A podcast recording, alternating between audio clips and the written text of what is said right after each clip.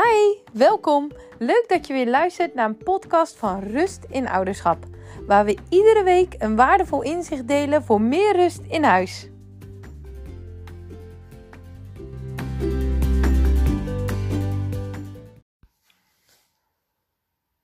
Hoi, mijn naam is Corine en ik ga vandaag een valkuil met je delen waar ik denk dat we als ouder allemaal intrappen. Hoe vaak komt het voor dat jij met je kind in gesprek gaat als het niet heeft geluisterd, brutaal is geweest of iemand anders pijn heeft gedaan? Ik denk zeer regelmatig. Want ja, dat doen we allemaal. Heel logisch en een natuurlijke reactie. Want je wilt dat je kind er iets van leert en dat hij zich de volgende keer anders gaat gedragen. En dat is nou net de valkuil. In gesprek gaan met je kind met het idee dat je kind er iets van leert. En bedenk eens hoe je zelf leert. Ook wij als volwassenen leren niet vanuit een gesprek. Als jouw kind niet luistert, ga jij misschien wel schreeuwen en dan kan je partner tegen jou zeggen, of je zegt tegen jezelf, dat je dat de volgende keer niet meer moet doen. Je hebt er gesprekken over met een vriend of vriendin, waarom dat niet handig was en dat je kind er geen beter gedrag van laat zien. En dat je het verkeerde voorbeeld geeft. Je weet dat het niks oplost en je vindt het ook niet fijn voor je kind. Dus je hebt er een heel uitgebreid gesprek over en je neemt je voor om de volgende keer niet meer te gaan schreeuwen. Maar de volgende keer doe je het toch gewoon weer. En dat heeft dus te maken met die eerste valkuil, hè, die ik ook heb verteld in de podcast van aflevering 2. Omdat je in een milliseconde reageert vanuit je onderbewustzijn.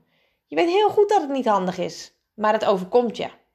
En dat is niet zomaar opgelost. Je kan nu ook niet in één keer zeggen: doe dit en doe dat en dan is het opgelost. Nee, zo simpel werkt het helaas niet dan zit het er ook in dat je moet gaan kijken waar zijn jouw triggers en wat zit eronder, waardoor het steeds weer gebeurt. En het is dus goed om erop in te zoomen. Hè, welke vaardigheden moet ik daar als ouder in leren? Wat triggert mij waarom ik dit doe? En als je daar goed zicht op hebt, dan kan het ook snel gaan. En op deze manier ga je die kern aanpakken. En niet alleen dat zichtbare schreeuwgedrag. Want misschien is het schreeuwen even een paar keer minder, maar als je emmertje dan weer volloopt, dan gebeurt het gewoon weer. En dat gebeurt ook als je niet die kern aanpakt. Want je wil ermee om leren gaan als jouw cluster aan het trigger is. En je wil je kind ook vaardigheden aanleren om mee om te gaan als het cluster bij je kind aan het trigger is. En dat is ook de visie van rust in ouderschap. Dat we de kern aanpakken bij jou en je kind.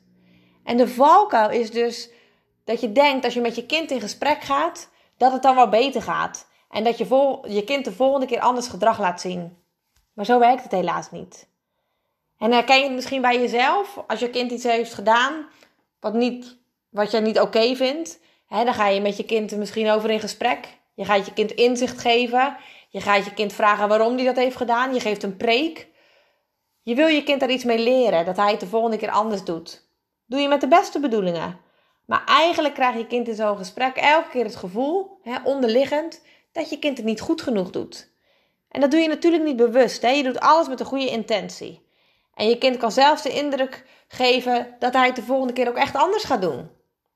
Ja, je kind is misschien verbaal heel sterk, kan heel goed praten en bedenkt misschien de allerbeste oplossingen en zegt de volgende keer echt weg te lopen als er ruzie is.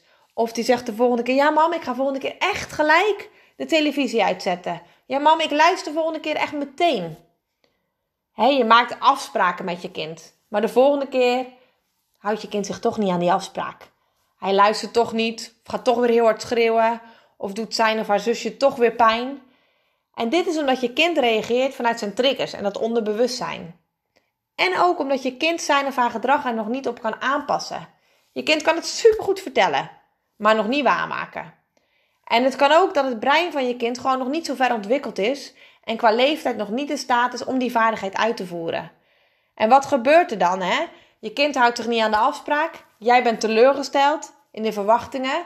En, want je had toch zulke goede afspraken met je kind gemaakt. En jullie hadden toch zo'n goed gesprek gehad met elkaar. En je kind is ook teleurgesteld in zichzelf. En dat is juist niet wat je wil bereiken.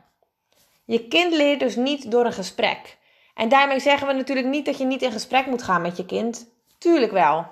kletsen over hoe de dag was, verbinding hebben met je kind, weten wat jouw kind bezighoudt. Maar ook gewoon praten over koetjes en kalfjes. En natuurlijk ook over wat je kind voelt. Allemaal super belangrijk. Maar hou in je achterhoofd dat je kind geen nieuwe vaardigheden aanleert door een gesprek. Je kind gaat er geen ander gedrag van laten zien. Want zowel jij als je kind leren door in de situatie te oefenen. Hij wil niet zeggen dat je heel lang moet oefenen, maar het belangrijkste is dat je precies weet welke vaardigheid je oefent en dat je daarmee aan de slag gaat.